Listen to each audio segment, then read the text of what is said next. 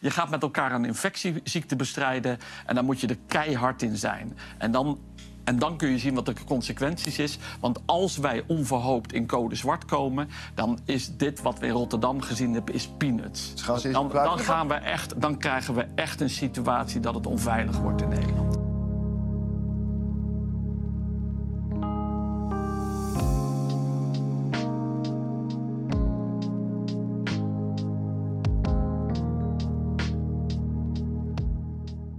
Als wij, ehm, als de situatie zo wordt dat wij bedden tekort komen en dat we keuzes moeten Ja. maken, dan moeten we ons personeel gaan beschermen met politie of het leger. Want? Ja, nou, omdat die emoties lopen gigantisch. Als jij dan het ziekenhuis komt met je kind of met je eh, vader of je partner... en wij zeggen, ja, we hebben geen plek en, en jouw partner komt niet in aanmerking... we gaan je aan de sedatie leggen en je komt te overlijden.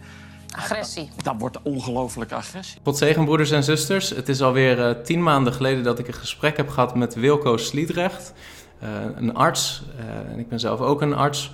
Over het onderwerp van het coronavaccin. En we hebben het wel gehad over de coronacrisis in bredere zin. Eh, verschillende aspecten die relevant zijn, ook voor christenen. Ehm, nou, daar zijn na het maken van die video heel veel reacties op gekomen. Die heb jij ook gezien, Wilco. Eh, heel veel enthousiaste reacties. Mensen die blij waren met eh, ja, wat in hun ogen een gebalanceerd gesprek was.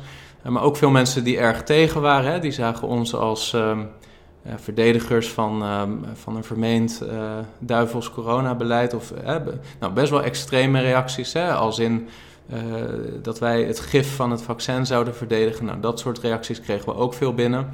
Eh, en wat op zijn minst duidelijk werd na die video was dat dit een heel gepolariseerde discussie is. En dat de gemeente van de Heer Jezus Christus, eh, dat, dat die erg verdeeld is over dit onderwerp. Hè. Dat, dat is wel wat mij erg bijbleef. En eh, nou, we zijn nu tien maanden verder. en we staan ook weer aan de vooravond van een nieuwe persconferentie. Het gaat niet goed met coronacijfers in Nederland. Dus het leek ons goed om nog eens een, een vervolggesprek te doen. Er werd ook om verzocht. Dus bedankt Wilco dat jij daar ook toe bereid bent. Ehm, ja, hoe was het voor jou, dat vorige gesprek en ehm, de nasleep daarvan? Ja, nou, het was, het was enigszins eh, verrassend eh, wat, wat er dan op je af kan komen. Ehm, eh, ook wel een aantal mensen die, die oprecht verdrietig waren, zeg maar, de, de, de standpunten die je verkondigd hebt. Nou, ik heb ook, wel gesprekken daarover gehad. En nou, als je dan toch elkaar zo hard zoekt en op een rustige manier de argumenten met elkaar bespreekt, dan kun je toch eh, nou, totaal anders denken, maar wel elkaar als broeder of zuster eh, zien. Maar eh, dat is me toch ook wel bijgebleven. Dat, nou, bijvoorbeeld het stukje over de, de fetale cellen. Hè, en, en, nou, dat je ondanks hè, wat wij zeiden van dat misschien in het verleden er toch iets vaags is gebeurd. Of, of eh, wat je ook niet goedkeurt. dat het allemaal onduidelijk is. En dat je toch kan zeggen dat iets wat daaruit voort is gekomen. Eh, wat heel veel levens eh, redt of gered heeft inmiddels al. ehm, ja, dat, dat je daarachter kan staan. Ja, maar ook dat is, dat is ook weer een heet hangijzer. Dat is ook iets waarvan er ook genoeg christenen zijn die dat absoluut niet begrijpen. Dat je daar überhaupt eh, op wat voor manier dan ook, eh, ook maar iets, iets mee zou moeten kunnen met zo'n vaccin, met zo'n soort achtergrond. Ja.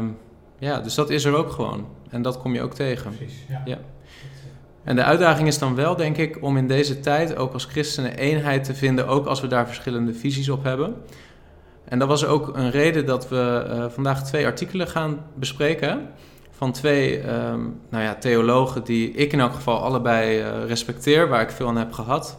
Namelijk James White. James White is ook een apologeet uit de Verenigde Staten. Ik heb hem mogen vertalen ook in Nederland en eh, een beetje een relatie met hem mogen opbouwen. Nou, een man die, die heel veel debatten heeft gedaan met, met moslims, met Jehovah's getuigen, met Rooms-Katholieken. Gewoon heel veel betekend heeft voor de gemeente. En eh, nou, die heeft recent een artikel geschreven over eh, eh, de coronacrisis, specifiek over de vaccins. En daarin is hij voornamelijk kritisch op wat er op dit moment gebeurt in de wereld. Daar gaan we het over hebben. En tegelijkertijd John Piper, die we denk ik ook, eh, waar, ja, veel christenen respecteren hem ook als een trouwe bijbelleraar. Hè? Ehm, die een wat positiever artikel heeft geschreven en een wat positiever perspectief heeft ook op de vaccins. Hè? Ja. Nou, Hoewel die me ook wel verrast heeft, hè, want hij heeft een aantal maanden geleden had hij een zogenaamde Ask Pastor John, waarin hij zich erg uitsprak tegen vaccinaties die mogelijk in het verleden gebaseerd zijn op die fetale cellijnen. En, uh, dus hij verraste me ook wel weer een aantal maanden met een, met toch wel een zwaai die hij uh, gemaakt heeft mogelijk. Ja, en dat, maar dat zie je ook wel, uh, zoals die dominee Visser bijvoorbeeld, die dan toch eerst een, een, ja, een preek houdt die viral is gegaan eigenlijk, hè, en door heel Nederland beluisterd is binnen de kerken, en waarin die verbinding maakt tussen openbaring hoofdstuk 13, eindtijd, profetieën uit de Bijbel, verbindt aan... Um, de huidige coronacrisis hè, en, en voorzichtig ook die verbinding maakt. En vervolgens daar ook zijn excuses weer voor aanbiedt. van ja, dit was uh, misschien niet zo handig om dit zo te doen. Nou ja, dan krijgt hij uh, vervolgens daar ook weer een lading kritiek uh, van. Maar het lijkt haast alsof je ook niet van standpunt kunt veranderen. Hè? Alsof je in het ene kamp of het andere kamp moet zitten. Terwijl ik denk de realiteit van deze situatie is dat het een hele ingewikkelde situatie is. En ja. dat we enerzijds te maken hebben gewoon met een nou, toch wel een, een gevaarlijke situatie. Hè? Een virus waar, waar bijna niemand immuniteit tegen had, wat in één keer de wereld zo inkomt, verspreidt, uh, waardoor de zorg overbelast raakt um, en, en er, er, mensen sterven. Nou, dat is gewoon, uh, denk ik, een realiteit. Anderzijds dat je toch ook wel als christen kritisch kunt zijn op wat de overheid vervolgens allemaal aan inperkingen, maatregelen oplegt en uh, nou ja, een QR-codesysteem waar je best wel wat vraagtekens bij kunt stellen ook. Ja. Ja, zeker als je vanuit een christelijk geweten uh, moeite hebt met vaccinaties en daardoor aan de marge van de samenleving komt te staan. Dus nou, die, die kunnen er allebei soms zijn, die kanten. En dat... Het gaat om de nuance uiteindelijk. Dat je ook naar elkaar standpunten kunt luisteren, het ook kunt begrijpen. Uh, ook al ben je het er niet mee eens. En uh, ik denk dat de ellende van nu is die polarisatie. Inderdaad, van, de ene groep heeft bijna de loopgraaf ingenomen en de andere groep ook. Ja. En ja, kan bijna niet meer. Uh, Iedereen zit ingegraven in zijn standpunt. Ja. Uh, en, en, en wat. Uh, kijk, dat kan natuurlijk soms goed zijn. Hè? Als je echt ergens voor staat wat gewoon een bijbelse waarheid is. Hè? Bijvoorbeeld het evangelie, daar moet je geen compromissen in sluiten. Nee. Hè? Dat de Heer Jezus de Zoon van God is, dat hij voor onze zonde aan het kruis is gestorven, dat hij is opgestaan uit de dood. Daar kan je geen compromissen in sluiten. Dat is gewoon, dat is de waarheid waar wij op staan. Uh, maar deze situatie ja, heeft complexe kanten. En ja. je hebt zowel trouwe christenen die gewoon uh, hun hele leven aan de Heer hebben gegeven en gewoon in hun leven trouw zijn geweest, uh, die aan de ene kant komen te staan, en vergelijkbare christenen die aan de andere kant komen te staan, en die toch het contact met elkaar dreigen te verliezen. Ja. Dat is wel kwetsbaar. Ja, het, het, loopt in die zin gewoon echt dwars door de kinderen gods heen, zou je kunnen zeggen. Die, uh, die, die scheiding van standpunten. Ja. Hey, zullen we eens kijken naar het artikel van James White? En beginnen we daarmee. Dan komen we straks bij John Piper. We gaan niet het hele artikel zin voor zin doornemen, want uh, ik zal ook onder deze YouTube-video de link zetten naar de volledige artikelen. Die kun je zelf ook lezen. Um, James White begint eigenlijk met uh, gewoon een christelijk wereldbeeld neerzetten. Mm -hmm. Hij heeft al wel gelijk in het begin een soort een samenvatting van zijn artikel beschreven. Dus het lijkt dat hij zelf ook wel ziet dat het een lang artikel is geworden. Ja, ja. Maar hij begint gewoon met een christelijk wereldbeeld neer te zetten. Hè? Van, uh, dat Jezus gestorven is, dat hij is opgestaan, dat hij gezeten is aan de rechterhand van de Vader, dat alle macht in hemel en aarde aan hem gegeven is. Uh, dat het lege graf de basis is voor zijn ultieme gezag. Hè? In die zin is uh, het lege graf het ultieme gezagsbewijs dat Christus is wie hij is, dat hij koning is van het heelal en dat inderdaad alle gezag hem toebehoort. En in het verlengde van dat christelijk wereldbeeld dat hij uiteindelijk aangeeft: het menselijk leven is heilig. He, dat heb ik zelf uh, gearseerd. Dat is volgens mij uiteindelijk waar hij naartoe wil: is het menselijk leven is, is heilig. He, op grond van het feit dat we geschapen zijn naar het beeld van God. Um, en ja, dat wetende moeten we daar voorzichtig mee omgaan. Ja. En dat, dat doet hij natuurlijk uh, ook als hij het heeft over abortus. Hè, dat, dat een christen niet achter uh, het aborteren van ongeboren kinderen kan staan. Uh, dat, dat heeft betrekking op euthanasie, maar het heeft ook betrekking op hoe ga je om met, uh, met nieuwe medicatie en vaccins, zeker wanneer die nog niet getest zijn op lange termijn bijwerkingen. Mm -hmm. ja. Uh, ik weet niet of dat jou al iets opviel in die eerste pagina's van het artikel. Um, nou, kijk, hij zet natuurlijk gelijk al de toon door het te hebben over uh, experimentele me medische procedures.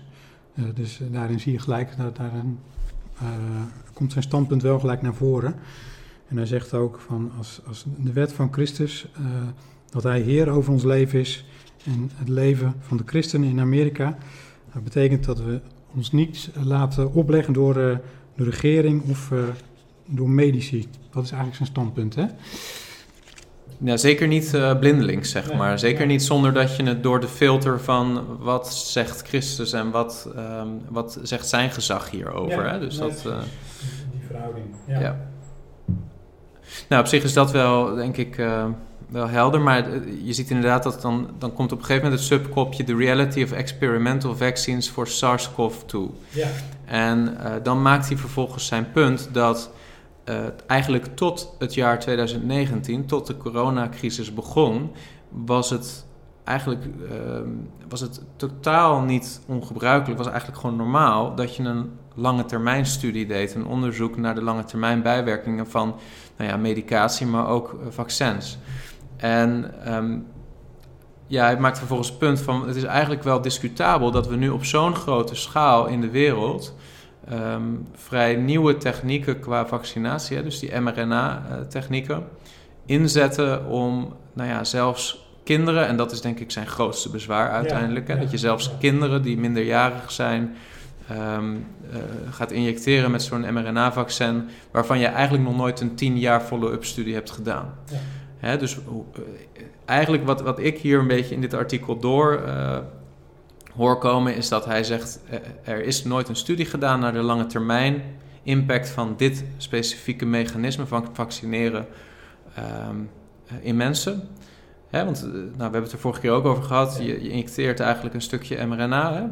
Hè? Dat, dat wordt uiteindelijk uh, vertaald zich of wordt, wordt gemaakt tot zo'n spike-protein. Dat wordt gepresenteerd aan het immuunsysteem, maar wel door een lichaams eigen cel uiteindelijk. En Um, nou ja, dat werkt. Hè. We hebben gezien dat het effectief is. Ja. Uh, dat mensen beschermd worden. Op korte termijn zeker zijn er helemaal geen vragen, denk ik, over dat, dat het wel degelijk een stuk bescherming biedt.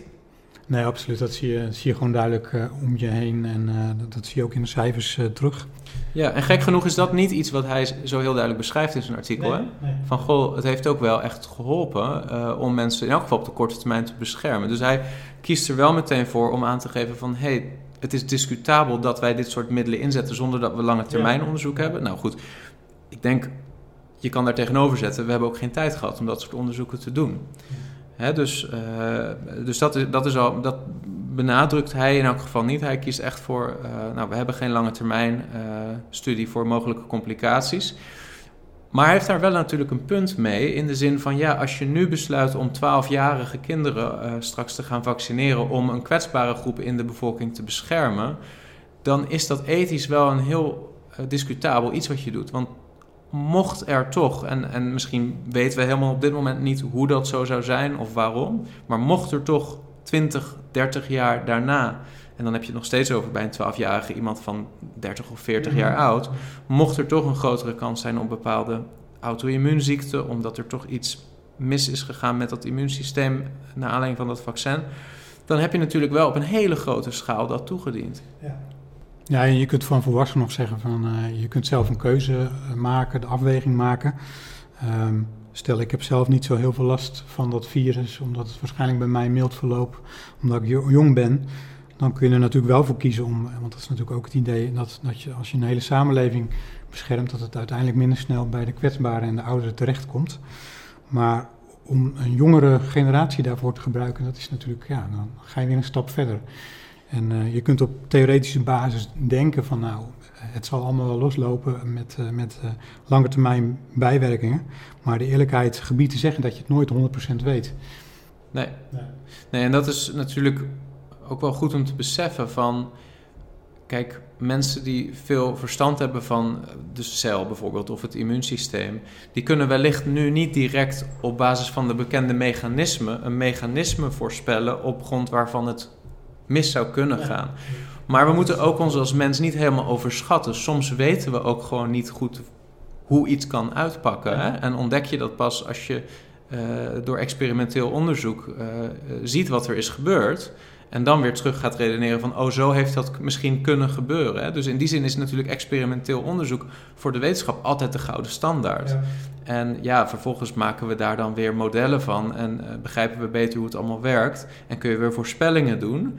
Maar ja, die moeten uiteindelijk toch altijd weer getoetst worden door experimenteel onderzoek. En dat is dus, ik denk, James White zijn grootste bezwaar in dit hele artikel is: jongens, dit is nog nooit op zo'n manier gebeurd in de menselijke geschiedenis dat we iets waar zo weinig over bekend is, op zo'n grote schaal en ook met een zekere dwang toepassen.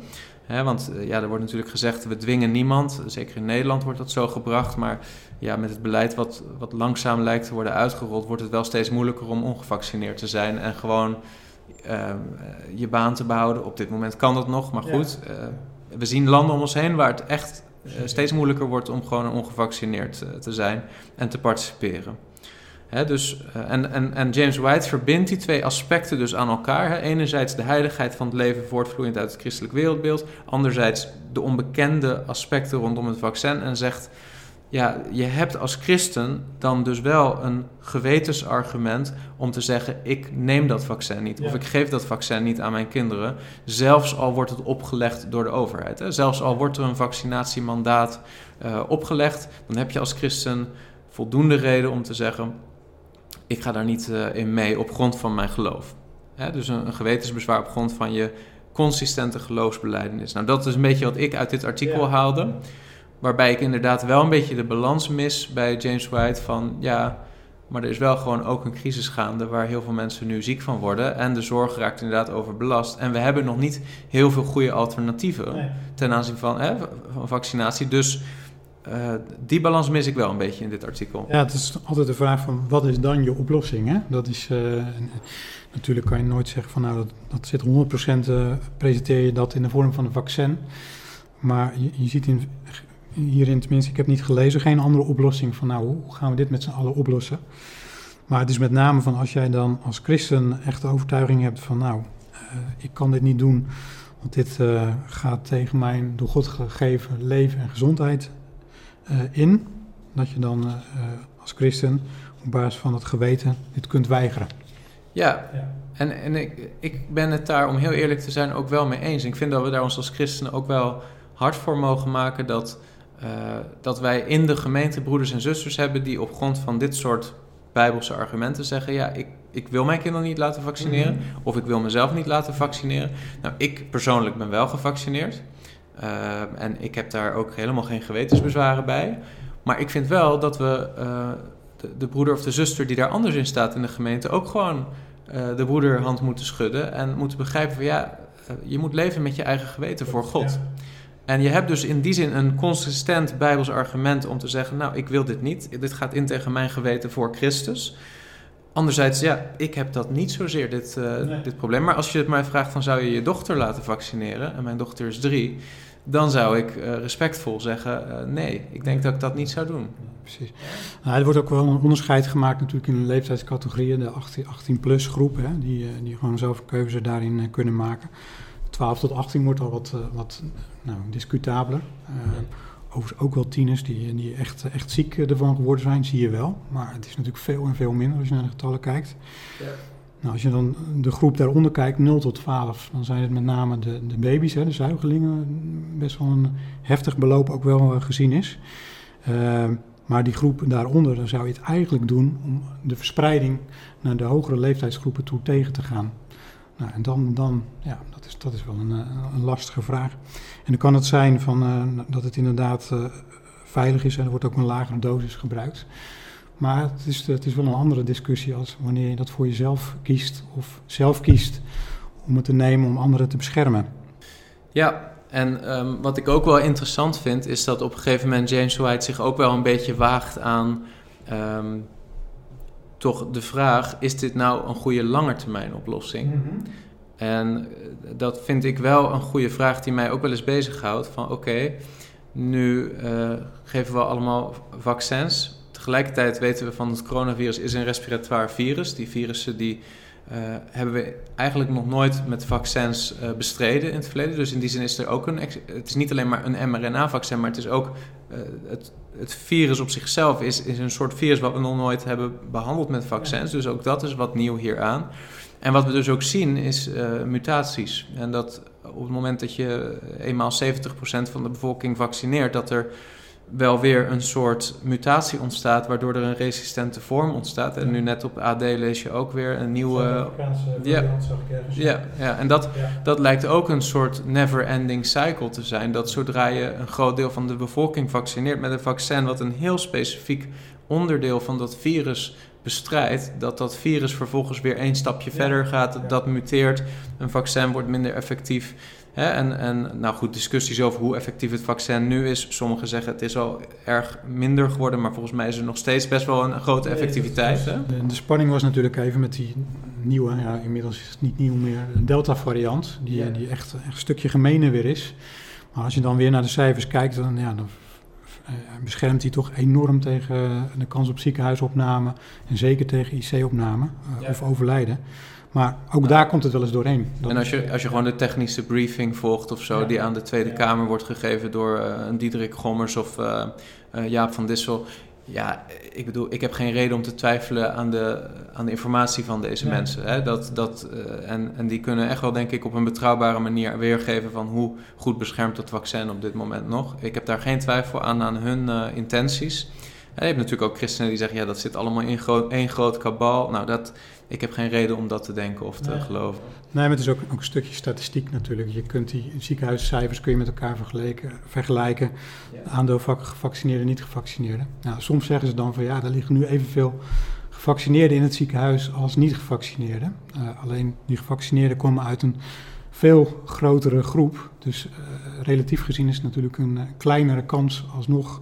Ja. En uh, ja, de leeftijdscategorie is ook lager, veel ook met onderliggende aandoeningen. Ja. En daar komen van uit die gevaccineerde groep natuurlijk wel mensen in het ziekenhuis terecht. Er is ook nooit beloofd dat het 100% bescherming bood. Hè? Dat, is dat, dat werd ook wel eens gedacht of geroepen. Ja. Nee, dus helder. Maar, maar zijn, zijn punt daarna is dus ja, die vaccins die kunnen nu wel effectief zijn, maar uh, zo'n virus muteert mm-hmm. en je loopt eigenlijk altijd één of twee stappen achter. Hè? Ja. Je, je, maakt een vaccin, dat ontwikkel je op een, een, een virus wat nu uh, in de circulatie is, maar net als met een, een, griepvaccin, dat moet elk jaar opnieuw weer toegediend worden met de meest voorkomende uh, ja, mutaties die, die op dat moment spelen. En je hoopt dat dat dan een goede cocktail is die beschermt. Ja. Hè? En de vraag die James White dus ook stelt: van ja, als je nu weer een booster geeft en straks weer een nieuwe uh, vaccinvariant of een virusvariant ontstaat, hoe lang gaat dit zo door? Hè? En, en komen we nu niet in een soort systeem waarbij we allereerst eigenlijk hier nooit uitkomen?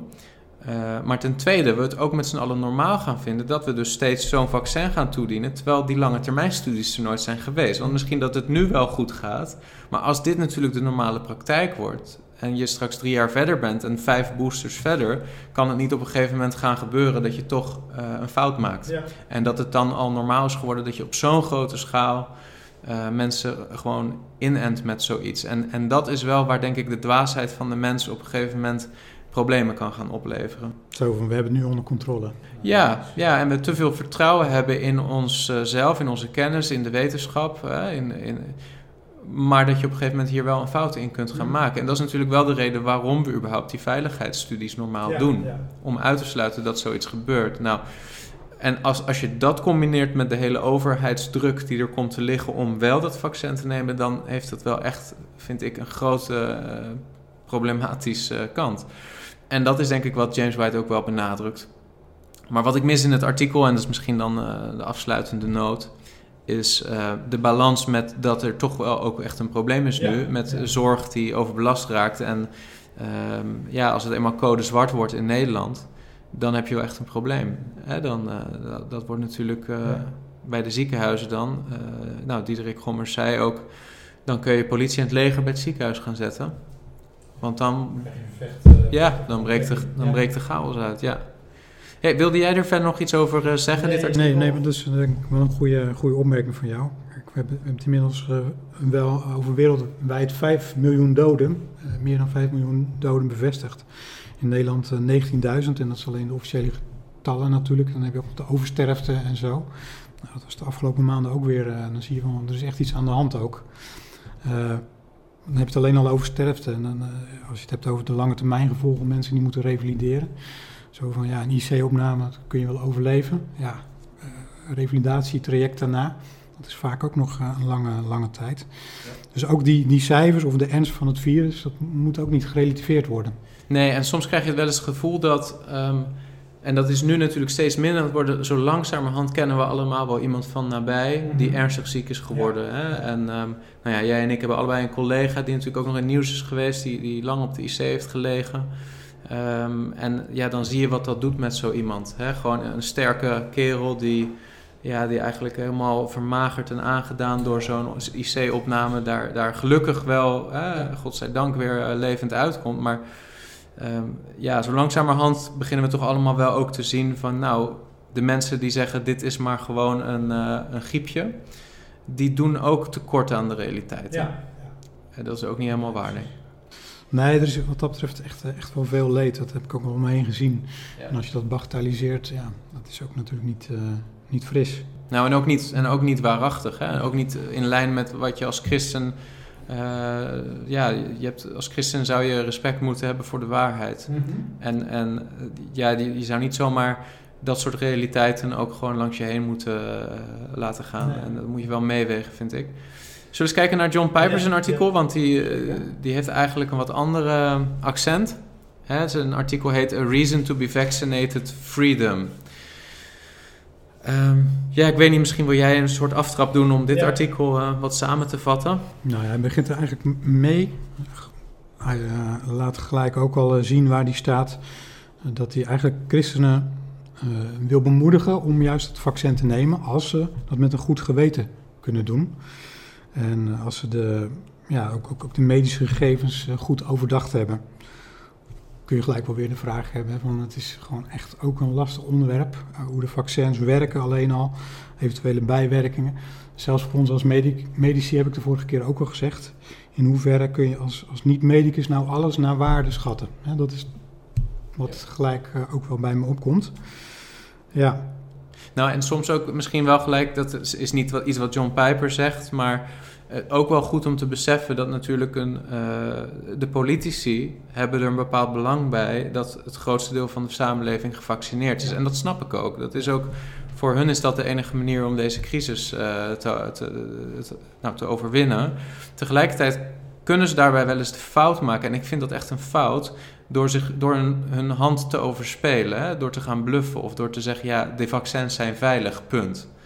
Terwijl ik dan wel de neiging heb om minder vertrouwen te mm -hmm. hebben in, ja. uh, in een Hugo de Jonge. Hè. Ik, ik, heb niks dan respect zo'n beetje voor het feit dat hij uh, leiderschap toont te midden van zo'n crisis. Ik denk dat we dat ook niet moeten onderschatten. Hè. Of een Mark Rutte. Ja. Uh, nou, ik denk dat weinigen van ons daar aan het hoofd willen staan in deze crisis. Um, maar ik denk dat zo'n Hugo de Jonge zichzelf wel in de vingers snijdt door gewoon zo'n brede uitspraak te doen als het vaccin is veilig, punt. Ja. En dat, ik vind wel dat hij er goed aan zou doen om wel eerlijk te zeggen van ja, we weten nog niet alles over de lange termijn effecten van zo'n vaccin. Maar als hij dat zegt, weet hij dat hij waarschijnlijk ook 10% minder vaccinatie zal gaan behalen. Ja. En dat is het moeilijke van zijn taak. dat, klopt. Dat klopt. Um, uh, nou ja, hij denkt natuurlijk vanuit de volksgezondheid. En uh, ja, hoe komen we hier zo snel mogelijk uit die ellende? Ik, ik geloof echt dat dat de oprechte motivatie is van wat hij doet. Ja. Um, uh, aan de andere kant, ja, je, je, moet wel eerlijk blijven. En, uh, uh, Nederlanders hebben misschien ook wel eens het idee van, joh, als ik te veel gepoest word, dan doe ik het juist niet. Terwijl je wel op argumenten moet, moet kijken. Ehm, ja. Dus dat even als opmerking inderdaad. Nou, in het artikel noemt hij dan een aantal schokkende getallen natuurlijk, hè, waar we het net ook al over hadden. Ehm, nou, dat zien we natuurlijk in Nederland ook. Um, en ook nou, dat duidelijk is dat onder, onder die doden. Uh, uh, zeker de laatste tijd natuurlijk sinds uh, er gevaccineerd wordt. En ziekenhuisopnames en IC-opnames. En ook, ook qua besmettingskansen en de, de heftigheid van het ziektebeloop. Ja, dat dat duidelijk, dat kun je niet ontkennen, dat, dat, dat, dat door vaccinaties die kans wel duidelijk verkleind is. Fors verkleind is. Ja. Dus dat is het korte termijn effect wat we nu zien. Ja, en hij noemt dan wat Amerikaanse feiten, hè? Ja. Maar ik vind dat wel goed om die eens te noemen. Want ik vind dat netjes van John Piper ja. dat hij... Hij doet niet gewoon een soort algemene claim. Hij geeft wel gewoon de feiten, hè? En dan zegt hij... ja, bijna alle COVID-19 doden in de Verenigde Staten zijn op dit moment mensen die niet gevaccineerd mhm. zijn. Nou, dat is gewoon ja, een, een feit wat hij noemt. Uh, dan noemt hij wat feiten van wat verschillende staten in Amerika. Indiana saw 3801 coronavirus deaths between January 18, 2021 and September 16. Um, 94% of them unvaccinated. He, dus 94% van de bijna 4000 coronavirusdoden in Indiana waren ongevaccineerd. Dat is echt een enorm verhouding. Hè? Als je dan kijkt in Montana, nou, dan heeft hij het over uh, ehm, 90% van de gevallen, uh, bijna 90% van de hospitalisaties, dus ziekenhuisopnamen, uh, eh, 83% van de doden waren allemaal mensen die niet volledig gevaccineerd waren. dus nou, dan noemt hij uh, meer dan 95% van de 443 mensen onder de 60 die gestorven zijn aan COVID-19 in Kentucky sinds juli waren ongevaccineerd. Nou goed, zo noemt hij een aantal feiten. Ja, En hij zegt erachteraan, als mensen antwoorden op deze realiteit door te zeggen dat de overheid en de medici onbetrouwbaar zijn, dan ja, zegt hij dat dat volgt, uh, daar, daar volgt niet uit dat deze feiten onjuist zijn. Ja, en dat, dat is wel belangrijk om te beseffen. Van de feiten laten steeds duidelijker zien dat inderdaad vooral ongevaccineerden uh, sterven aan deze ziekte. En, en natuurlijk, iemand weet, iedereen weet dan wel weer een uitzondering. Hè? Ook dat komt voor. Uh, maar je moet natuurlijk gewoon op, op bevolkingsniveau kijken van wat zijn de getallen. En uh, kijk, als ik, als, ik, als ik kijk naar de dingen die ik om me heen gezien heb, ja, dat zal ook natuurlijk ook kleuren hoe ik er tegenaan kijk. Maar in die zin moet je wel naar die, uh, die getallen op bevolkingsniveau kijken. Ja. Hey, en mis, ja, misschien zou jij willen het stokje over willen pakken ja, over wat... Misschien voor, voor, de, voor de Nederlandse situatie. Ik heb nog even oh, ja. wat erbij gepakt. Op dit moment 7 op de 10 COVID-19 patiënten op de IC ongevaccineerd. nou, dus een vaccineffectiviteit gemeten over de afgelopen acht weken. 92% tegen ziekenhuisopname en 96% tegen IC-opname. Nou, als je dat dan gaat terugrekenen naar kansen, dan is de kans om gevaccineerd in het ziekenhuis terecht te komen 12,5 keer kleiner dan niet gevaccineerd en 25 keer kleiner om op de IC terecht te komen.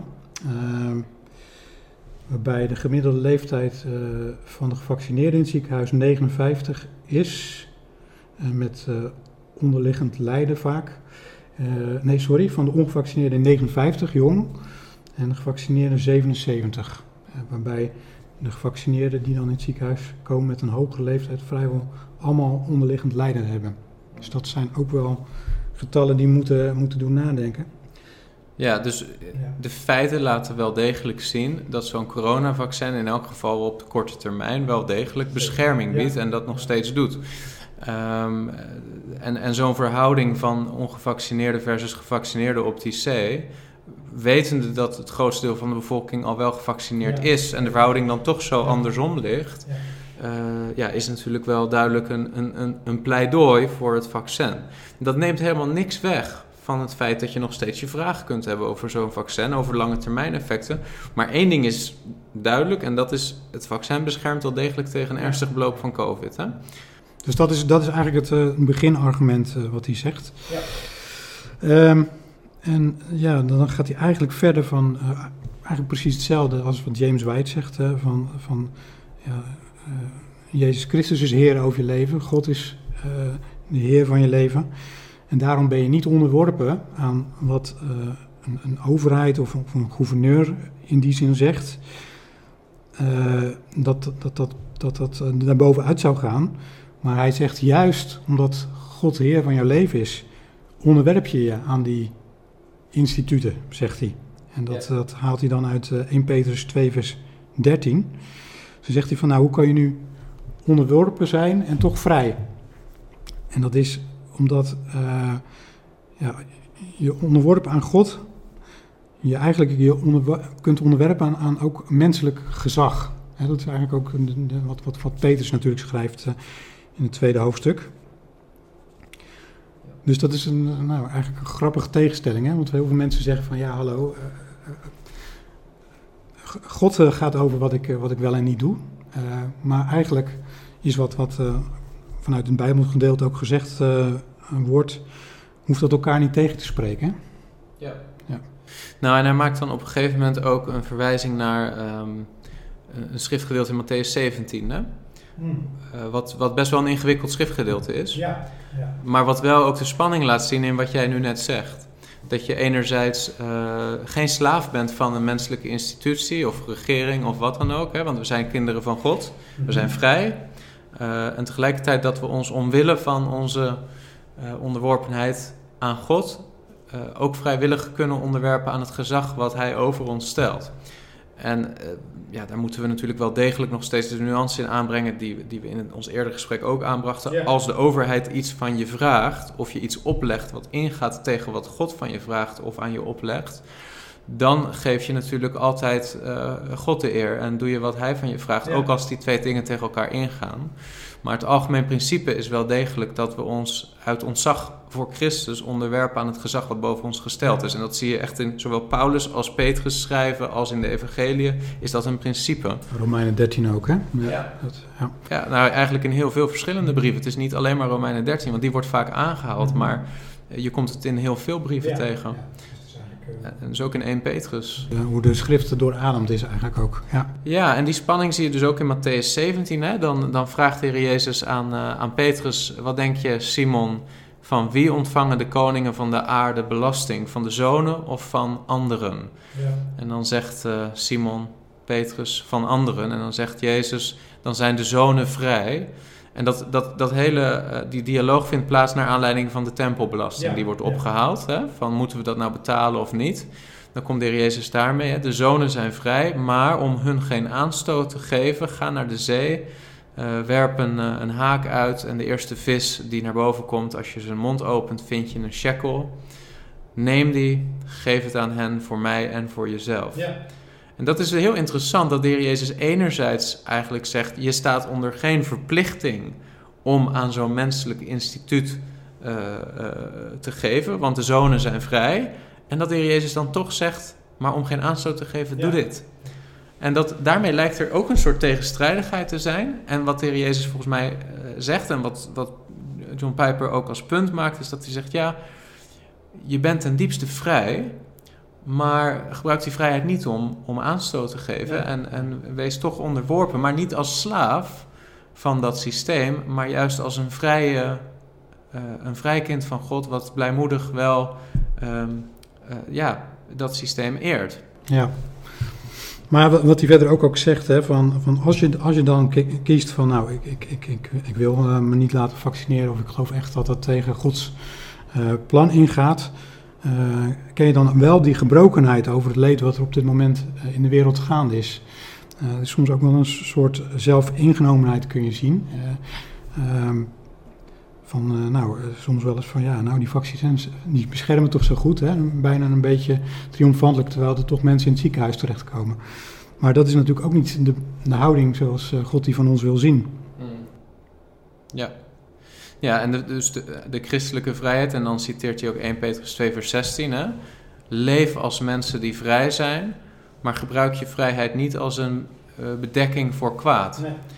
Hè, dus we moeten ook wel wijs omgaan met de vrijheid die God ons geeft. En, en niet vanuit een soort hoogmoedigheid of trots uh, inderdaad het leed van andere mensen daarmee ontkennen. Dus als je die overtuiging hebt van ik moet me niet laten vaccineren, dan kun je uh, die overtuiging ook hanteren, terwijl je nog tegelijkertijd ook uh, in gebrokenheid de Heer bidt om de mensen die ziek zijn. Ja. Hè, en uh, die, die, het moeilijk hebben. En nou, misschien ook wel mensen die um, juist in deze tijd Christus nodig hebben. Ook onder de mensen die zich wel laten vaccineren. Ja. En de mensen die zich niet laten vaccineren.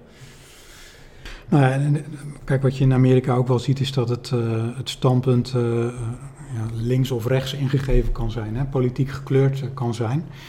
Uh, van als je dit kiest, nou, dan, dan, sta je meer aan die kant. Kies je dat, dan sta je meer aan die kant. Uh, maar de vrijheid in Christus wil ook zeggen dat je niet onderworpen bent of, of uh, aan zo'n politiek ingekleurde mening. Dus dat je ook dat niet leidend laat zijn. en dan zegt hij eigenlijk ook van, nou, stel je hebt al die argumenten voor en tegen heb je overwogen. je hebt het risico van, van COVID heb je gezien en je hebt ook de honderden zieken en doden gezien. Je hebt over de lange en korte termijn effecten nagedacht. Van de vaccins, hè? Waarvan je dus ook nog niet helemaal zeker weet wat de consequenties zijn. Maar je dat wel voor jezelf goed hebt nagedacht welke mogelijke risico's er zijn van zowel het nemen van het vaccin als het niet nemen van het vaccin. Ja. En ook uh, inderdaad, hè, van hoe vaak zijn uh, de mensen wel of niet opgenomen en, en, en uh, het aantal doden verhoudingsgewijs wel of niet gevaccineerd. Dan noemt hij ook nog, nou je hebt gehoord en nagedacht over de implicatie van het gebruik van fetale cellijnen hè, in, in, de ontwikkeling.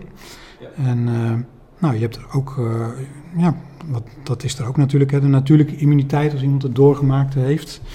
Waarbij inmiddels duidelijk begint te worden dat de natuurlijke afweerreactie van iemand die COVID doorgemaakt heeft, waarschijnlijk beter beschermt dan die vaccins. En dat, ja. ik zou eigenlijk ook niet anders verwachten, want ik denk dat dat, Hè, dat die een veel bredere afweerreactie zal, zal geven uh, dan alleen maar zo'n spij op spijkproteïne gefocuste reactie. Een onderdeeltje van het virus, uh, ja. Je hebt ook gekeken, zegt hij dan vervolgens naar de, nou, al, al, die theorieën eh, van samenzwering, of dat wel of niet kan kloppen. Hè? Dat, dat, noemt hij dan ook nog, vind ik ook wel grappig. En als jouw geweten dan, als je al die punten nagaat, uh, vrij is en je zegt van uh, ik wil gevaccineerd worden, maar als je dan de vrees hebt voor de groep waarin je verkeert, uh, want je wil niet daar weggezet worden of daar, ja, dat is geen vrijheid. Ja. Dus eh, eigenlijk zegt hij, je hoeft je niet te laten vaccineren omdat de overheid je dat oplegt, mhm. want je bent vrij. Ja. je bent een kind van God en uiteindelijk is God is jouw ultieme gezag. Christus is je ultieme gezag. Dus laat je niet vaccineren puur omdat de overheid dat van je eist. Maar denk na over, uh, als ik al die feiten bij elkaar optel en goed bekijk en dat onderwerp aan Christus, hè, uiteindelijk de enige aan wie ik ten diepste onderworpen ben, en ik kom tot een beslissing, dan mag ik die beslissing nemen. En dan ben ik daar vrij in. En dan hoef ik me niet dat te laten opleggen door een regering, maar anderzijds hoef ik me ook niet te laten tegenhouden doordat ik in een bepaalde subgroep zit, of een christelijke kerk of een christelijke traditie, waar de mensen mij vervolgens dat uh, zouden aanrekenen of daar anders over denken. Hè? Want dat, zo zijn we ook. We zijn als mensen natuurlijk wel heel erg gevoelig voor de groep waar we onderdeel van uitmaken. En dan kan het zijn dat jij nou in een bepaalde traditionele kerk zit waar niemand zich laat vaccineren, waar daar ook over tegen wordt gepredikt bijvoorbeeld, maar jij ten diepste wel tot de overtuiging bent gekomen van nou, uh, ik geloof dat het goed is dat ik me laat vaccineren. En dan ben je ten diepste niet vrij als je je uit angst voor je medemensen op dat moment niet laat vaccineren. Dus die kant is er ook. We moeten ons niet vanuit angst laten vaccineren omdat de overheid ons dat oplegt. We moeten ons ook niet uit angst niet laten vaccineren als we in alle vrijheid wel de beslissing nemen dat het goed zou zijn om het wel te doen. En dat is wel eigenlijk de kern van wat John Piper wil zeggen, volgens mij. Hè? En zijn, zijn, zijn laatste zin is dan ook: The sons are free, de zonen zijn vrij, tearfully, cheerfully free. Hè? Dus met tranen, maar ook met vreugde vrij. Hè? Waarbij ook John, denk ik, de complexe kanten van deze situatie benadrukt. Zowel de vreugde als de moeite. Uh, therefore live as people who are free. Dus leef als mensen die vrij zijn, dat is zijn conclusie. Ja, ja. ja en uh, ik zou daaraan toevoegen, laten we elkaar daar ook gewoon in, uh, in accepteren en liefhebben. Er zijn wel degelijk situaties denkbaar waarbij er echt compromissen worden gesloten met het christelijk geloof en je situaties krijgt van kerkelijke tucht. Maar dit vaccin is daar geen, geen duidelijke onderdeel van zo'n soort situatie, denk ik. Ja, nou dan hebben we die twee artikelen besproken. En dan zie je dat twee mensen waar je veel respect voor kunt hebben, toch gewoon net wat andere visies kunnen hebben op dit onderwerp. En eh, ja, nog steeds denk ik elkaar lief hebben als broeders in de Heer. En ik denk een mooi model voor hoe wij dat ook zouden moeten doen. Ja. Ja. Ja. Hey, misschien nog wel iets, uh, want daar gaan we zeker vragen over krijgen. Um, ja, hoe, hoe, hoe kijk jij nou aan tegen de situatie dat we steeds meer zo'n 2G-situatie eh, lijken te gaan krijgen? En um, ja, en dat in combinatie met zo'n QR-bewijs. Ik denk dat veel christenen zich daar ook wel zorgen over mhm. maken. Ik denk, het zou jammer zijn om deze video af te sluiten zonder daar nog eventjes uh, ook samen over na te denken. Ja. Uh, ik heb daar wel mijn zorgen over, als ik heel eerlijk ben. En niet zozeer omdat ik denk dat het de vervulling is van openbaring hoofdstuk 13, want zo sta ik daar niet in. Maar wel omdat ik denk dat, ehm, dat dit de, de vrijheid die God ons geeft wel heel erg aan het bedreigen is. Nou de, polarisatie kan alleen maar toenemen natuurlijk. Hè? Want dan krijg je natuurlijk wel een tweedeling in de samenleving. Uh, overigens moeten we nog maar zien of het er ook door gaat komen. Hè? Als je de verhoudingen in de, in, de, in, de, in de Tweede Eerste Kamer ook ziet. Maar ik, ik weet het niet. Ik weet het gewoon niet op dit moment uh, wat, er, wat er gaat gebeuren. Aan de andere kant, ja, wat is wel de oplossing? Dat is, dat is dan ook weer moeilijk, hè? Want uh, ja, we kunnen het niet zo laten gaan zoals het nu, uh, nu gaat. Dus er moet wel iets gebeuren. Ja, en dat is misschien ook wel goed om te noemen. Er zijn natuurlijk veel mensen die zeggen... Uh, wat er nu gebeurt met die QR-codes, vaccinatie uh, of uh, toegangs corona-toegangsbewijzen, dat is allemaal vreselijk. En ik heb daar heel veel begrip voor. Ik denk dat het ook. ik ben daar geen voorstander van. Hè? Dat, we, dat we op die manier moeten gaan bewijzen dat je gevaccineerd bent om een winkel binnen te mogen. En, en als je dus principieel tegen vaccineren bent, dat je straks gewoon geen winkel meer in kunt. Hè? We zien sommige landen waar, waar je bijna een soort thuisquarantaine krijgt voor de ongevaccineerden. Hè? Oostenrijk. Slag in de zorg in sommige ja, je, andere landen. Mensen die hun baan verliezen. Ik denk, uh, daar moeten we met z'n allen niet heen willen. Dus daar ben, ik, daar ben ik echt veel tegen. En ik geloof dat dat ook is, uh, iets is waar als christenen uh, ons over mogen uitspreken. Maar de andere kant is wel, en dat, dat wil ik ook wel zeggen tegen mensen die die, die dit blijven benadrukken van dit is verkeerd. De andere kant is wel, uh, het is niet voor niks dat zo'n Diederik Gommers aangeeft... als je in zo'n code zwart scenario komt... heb je als samenleving ook wel echt een heel groot probleem. Hè, dan, heb je, dan moet je het politie, dan moet je het leger bij de ziekenhuizen gaan zetten... dan uh, ontstaat er een chaos. Hè? Dan, dan breken er rellen uit. Uh, dus dat zou, dat zou ook wel een heel onwenselijk scenario zijn. Als je, we... je moet ergens keuze maken die mensen pijn gaan doen, welke groep dan ook... En ja, kijk, als je nu op dit moment kijkt ook hoe de verspreiding onder gevaccineerden is, ja, weliswaar, hè, aangetoond ze worden minder ziek. Uh, maar die is natuurlijk ook enorm uh, op dit moment. Dus in, wat dat betreft kan je wel zeggen van nou, ze zullen dan minder snel in het ziekenhuis terechtkomen. Maar uh, te zeggen van alleen degenen die niet gevaccineerd zijn, dat gaat niet op dit moment de oplossing zijn.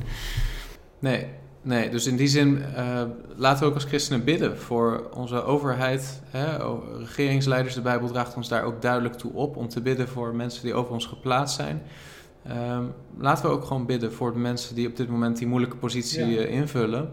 En um, ja, kijk, als jij zo uh, meegesleept wordt door ideeën dat, dat onze leiders het kwade met ons voor hebben dan wordt het misschien ook wel heel moeilijk om nog voor ze te kunnen bidden met een oprecht hart. Ik denk dat de Bijbel ons daar wel toe opdraagt. Hè? Zelfs al zou het je vijand zijn, wat ja. ik niet geloof. Nou, wat zegt de Bijbel daarover? Ja, nou ja, in die zin uh, dat je nog steeds voor ze bidt. Ja, uh, ja. ja, ja. En uh, wat dat betreft maakt de Bijbel in gezagsrelaties helemaal geen onderscheid tussen of dat je nou een goed iemand of een kwaad iemand boven je hebt. Hè? Ook nee. slaven dienen uw meester, zowel de goede als de kwade, zegt Petrus ook. Hè? Dus um, nee, we hebben gewoon in deze tijd als christenen een getuigenis te geven. We moeten licht en licht zijn en zout en zout zijn. En we moeten ook in deze tijd uh, uh, ja, laten zien dat we als christenen het beste met, met onze naasten voor hebben. En hoe kan ik mijn naaste het beste dienen? Het is niet alleen mijn eigen gezondheid, maar wat kan ik doen om inderdaad die naaste en die kwetsbare, uh, die ouderen te beschermen? Want ook het gemak, hè, waarom, waarover soms over de, de dood van een oudere generatie gesproken wordt, ja, dat is natuurlijk ook niet uh, wat je als christen zou moeten zeggen. Nee. En tot slot, wat ik denk, wat ik wel wil uh, noemen, is, uh, ja, ik ben zelf ouderling in een gemeente en ik denk wel dat um, als je het hebt over leiding geven aan de gemeente en de maatregelen die door de overheid worden ingevoerd, dat je daar wel een scenario kunt krijgen uh, en ook wel dat we dat hebben gehad, waarbij uh, je soms als gemeenteleider op grond van de schrift uh, bezwaar kunt maken tegen overheidsmaatregelen. En nou ja, als, als de overheid opnieuw zou gaan zeggen: kerken kunnen alleen maar livestreams of niet meer fysiek samenkomen, dan denk ik dat wij daarvan zouden afwijken, om heel eerlijk te zijn. En dat zouden doen ehm, nog steeds met, een, uh, met vrezen en beven. Niet lichtzinnig, maar wel ook eh, bedenkend dat ja, we hebben ook een taak gekregen van Christus om het evangelie te prediken, om samen te komen, om het lichaam te onderwijzen. En de coronacrisis heeft wel degelijk schade aangericht in gemeenten, doordat die bijvoorbeeld overgingen op puur alleen livestreamen. En hè, ook daarvoor geldt denk ik dat ook kerkleiders daarin een, in vrijheid samen wel moeten zoeken naar wijsheid. Ze hebben zowel de geestelijke verantwoordelijkheid voor hun kudde, maar ook fysiek. dus ze hebben ook wel degelijk na te denken over als ik dan mijn samenkomst door laat gaan en daardoor uh, komen er mensen te overlijden in mijn gemeente. Nou, daar moet je ook rekening mee houden. Zeker, dat is een, eh, een hele lastige afweging. Ja. Anderzijds, ja, natuurlijk in klein verband kon er ook de afgelopen tijd heel veel doorgaan. En ja, ik denk soms ook wel eens van, joh, als wij als kerk de eisen die wij soms stellen aan kerk zijn, ja, dan zou de vervolgde kerk uh, ten dode opgeschreven zijn. Snap je wat ik bedoel? Dat is, uh, ja, dus in die zin zijn de huisgemeenten, de huissamenkomsten, kleinschalige samenkomsten zijn ook nog een hele mooie manier om wel gewoon die gemeenschap te hebben.